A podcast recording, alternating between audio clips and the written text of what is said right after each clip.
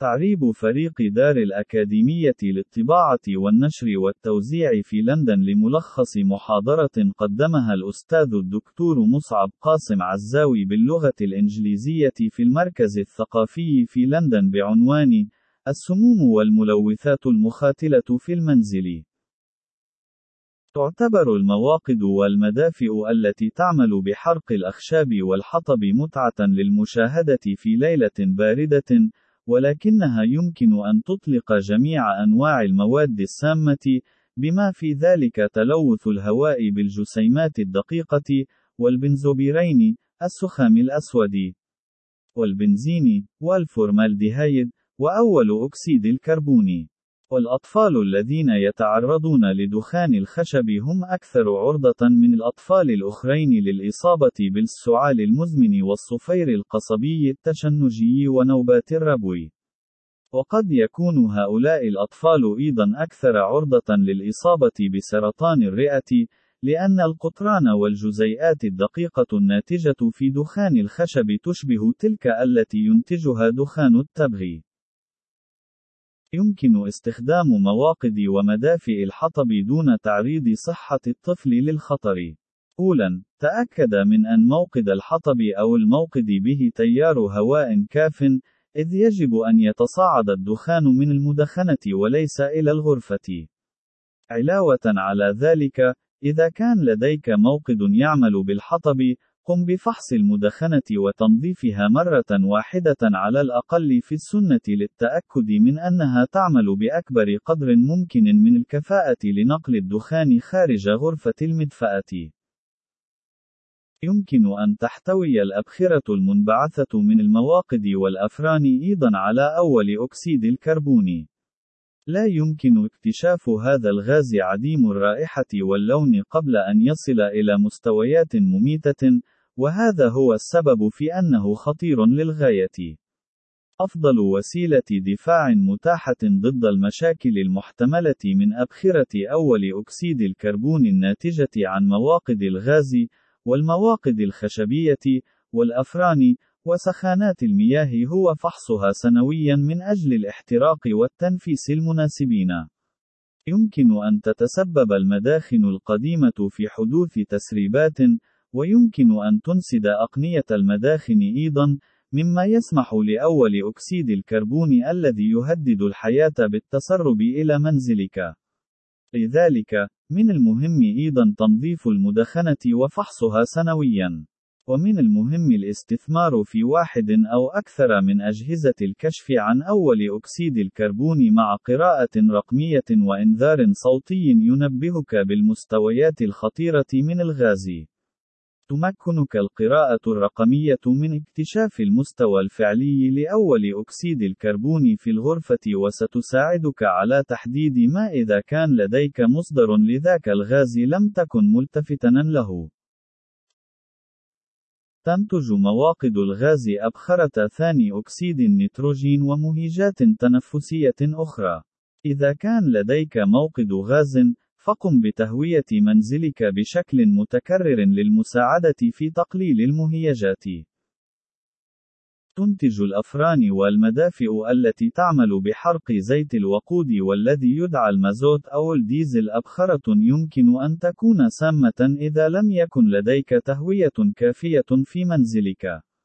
ويمكن لزيت الوقود المنسكب أو المتسرب أن يدخل مواد كيميائية سامة في الهواء، ويمكن أن يجد طريقه أيضًا إلى مياه الآيبار إذا كانت هناك أبار بالقرب من الانسكاب.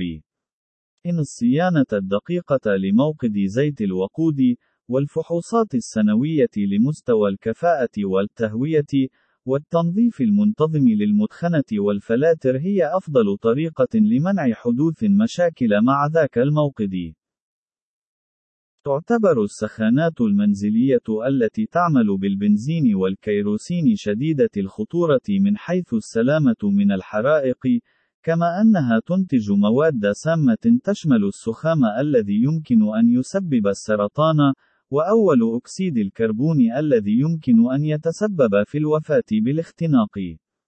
يمكن أن تنقلب سخانات البنزين والكيروسين عن طريق الخطأ، مما يؤدي إلى انسكاب الوقود والتسبب في حروق مروعة وحرائق منزلية.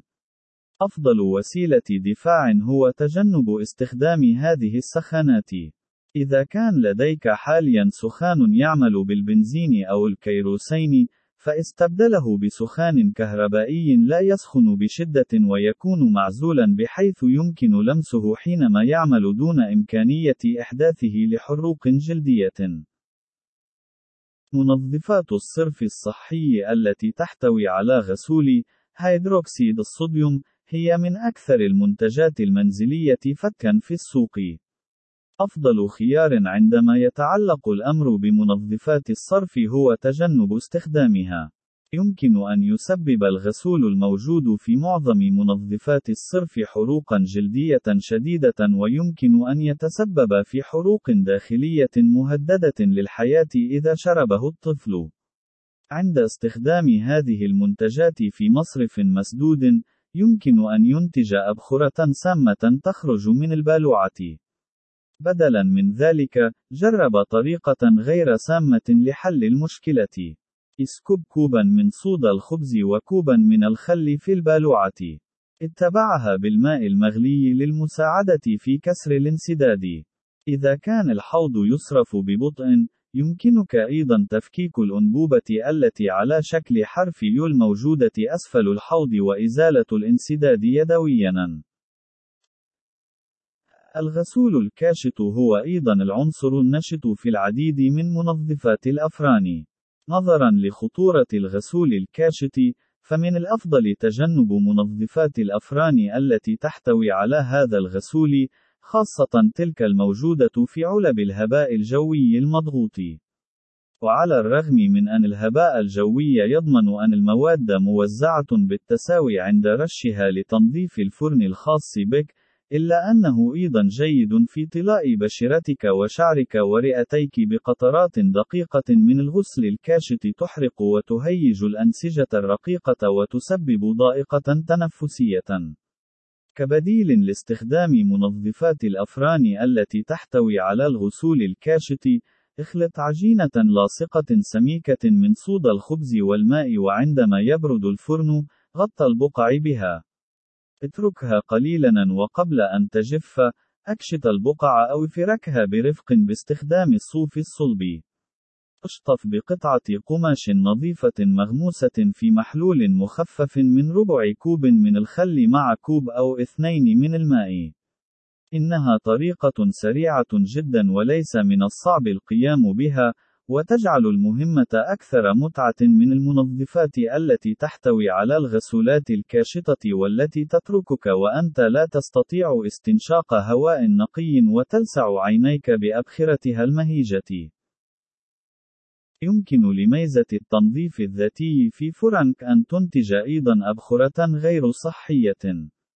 تستخدم هذه الميزة الحرارة الشديدة لحرق القطرات المتراكمة في الفرن وعلى سطحه، كما أنها قادرة على تبخير طلاء الفرن الصناعي وهو ليس نت الأبخرة التي تريد استنشاقها، لما تحتويه على مواد سمية خطيرة. تحتوي الأرضيات المصنوعة من مادة البولي يوريثان ذات الأساس البترولي وتشطيبات الأثاث على العديد من المواد شديدة السمية، بما في ذلك ثنائي أيزوسيانات التولوين TDI.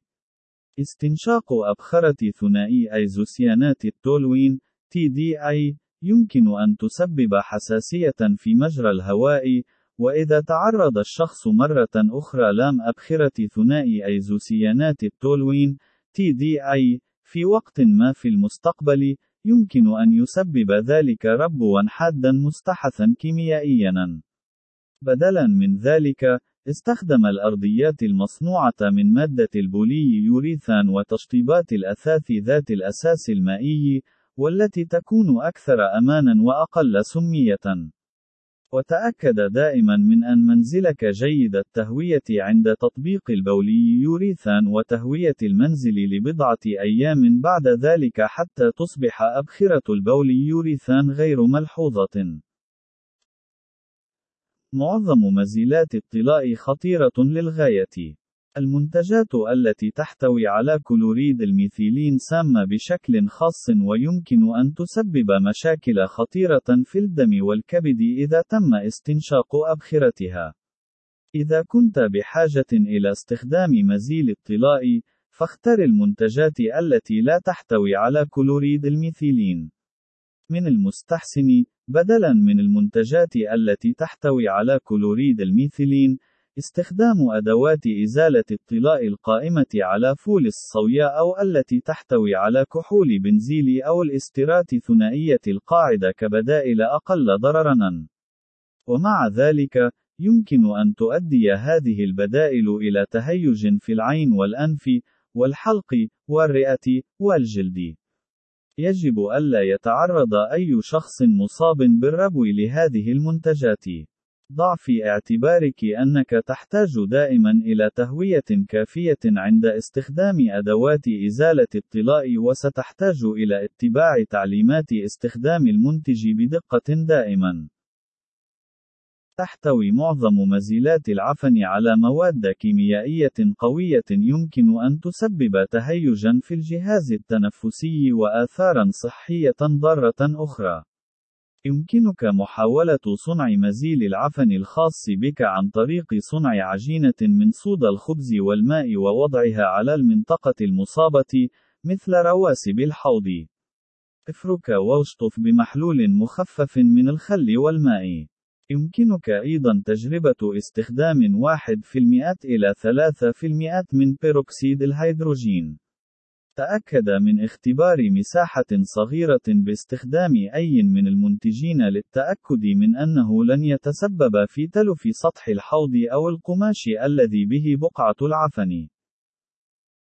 تحتوي معظم المواد اللاصقة المستخدمة في تجميع النماذج المصنوعة من قطع متعددة على مواد يمكن أن تكون شديدة الخطورة على البشر، وخاصة الأطفال.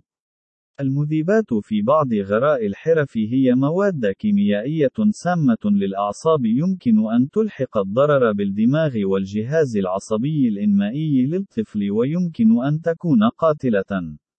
في الواقع، يتم إحضار الأطفال كل عام إلى أقسام الطوارئ في المستشفيات وهم يعانون من سمية عصبية مرتبطة بشم الغراء، عندما يشم الأطفال عن عمد الغراء للحصول على الانتشاء. ولكن يمكن أن تحدث مستويات عالية من التسمم أيضا عندما يستخدم الطفل هذه المنتجات في غرفة سيئة التهوية.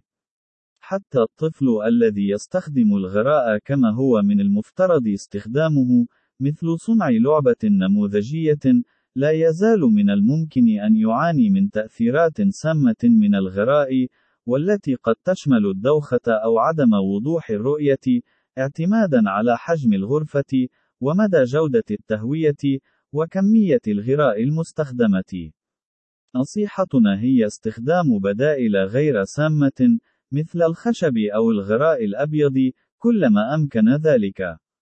إذا لم تنجح المواد اللاصقة غير السامة، فاستخدم أصغر كمية ممكنة من الغراء الحرفي في غرفة جيدة التهوية أو في الهواء الطلق. قم بتهوية الغرفة بشكل متكرر واطلب من الطفل مغادرة الغرفة بانتظام لتجنب التعرض المستمر لأبخرة الغراء. تحتوي العديد من مزيلات طلاء الأظافر على الأسيتون، وهو مذيب سام يتبخر بسهولة.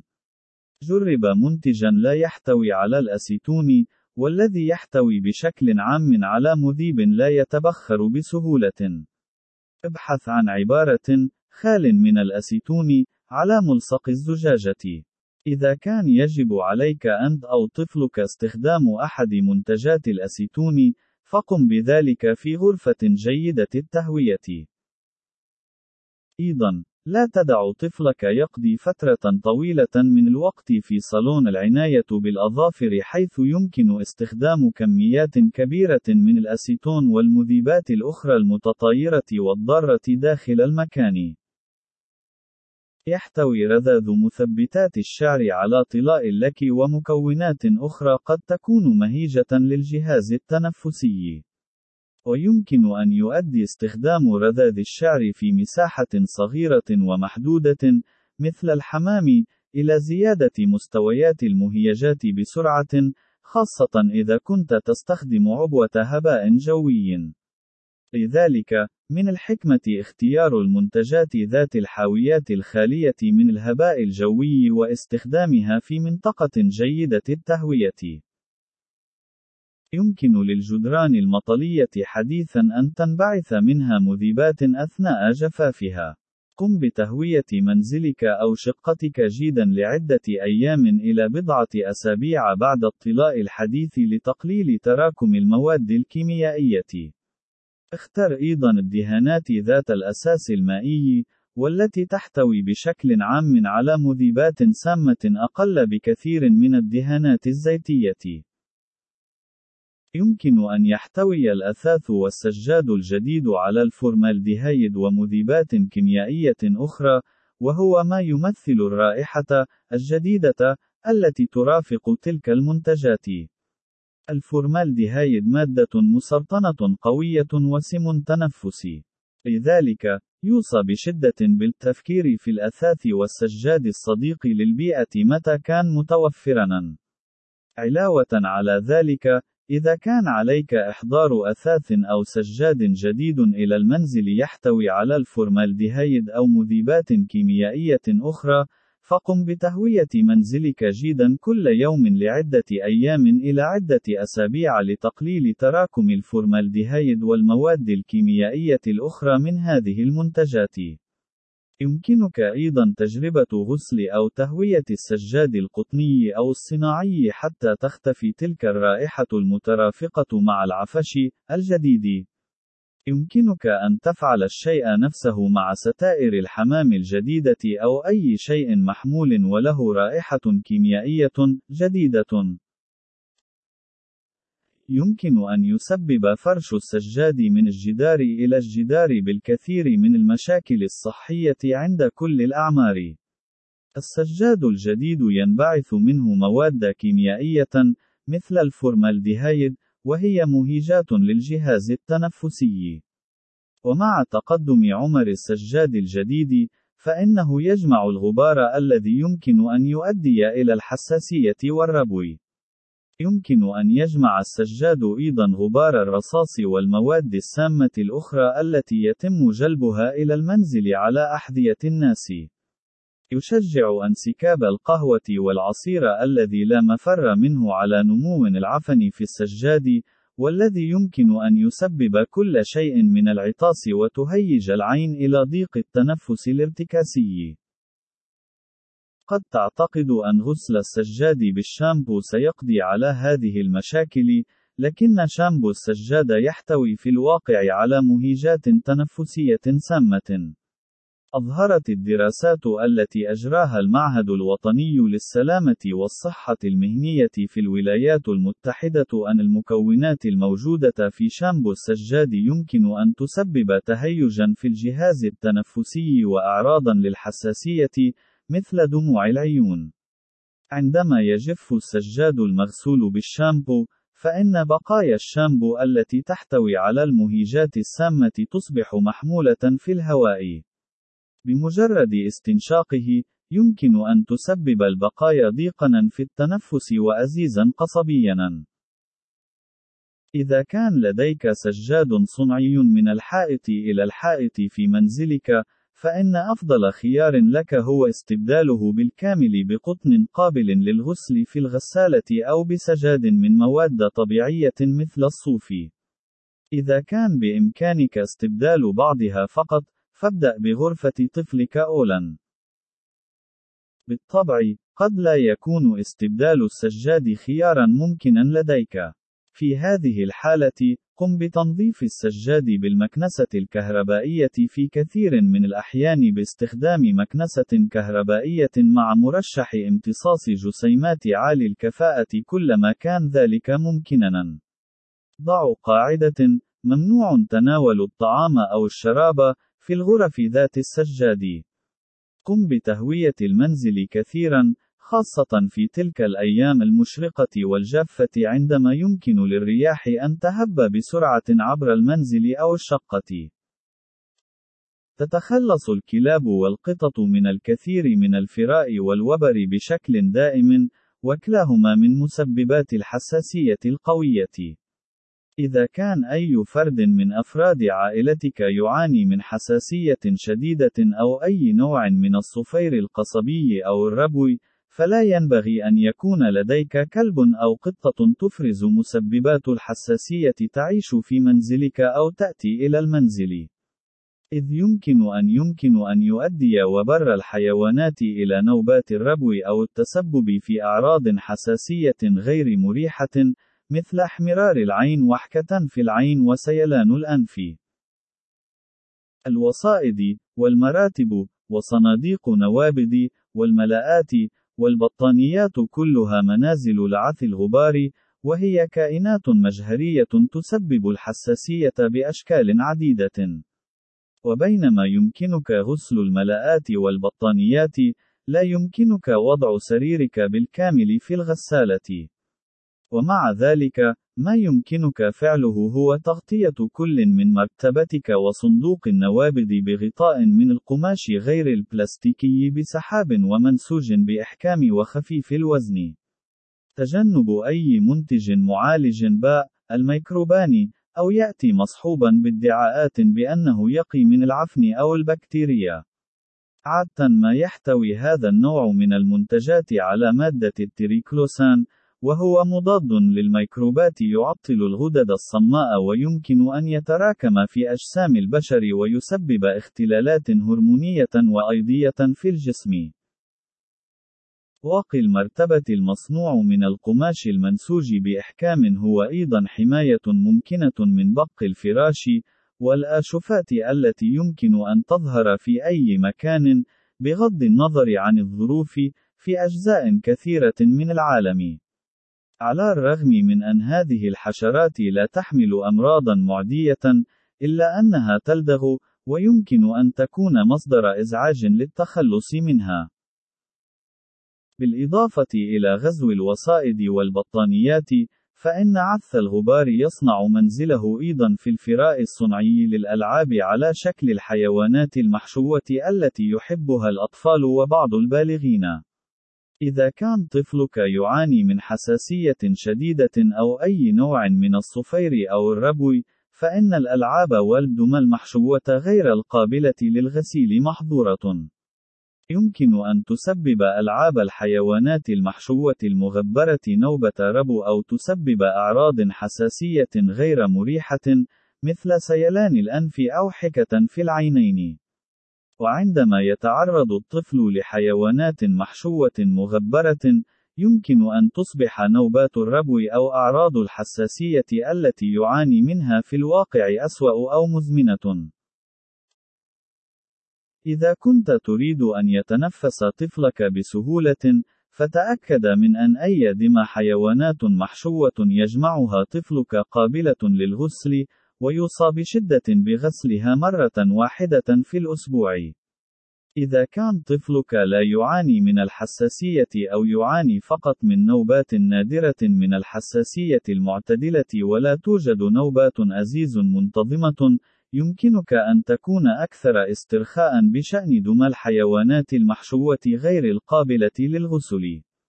ومع ذلك، تجدر الإشارة إلى أن التعرض المستمر لمسببات الحساسية يمكن أن يقود إلى حالة خفيفة من الحساسية تسوء بشكل تراكمي. إذا زادت نوبات الحساسية لدى طفلك أو بدأ يعاني من أزيز بشكل متكرر، يجب عليك إعادة النظر في قرار السماح له بالاحتفاظ بدمى حيوانات محشوة غير قابلة للغسل.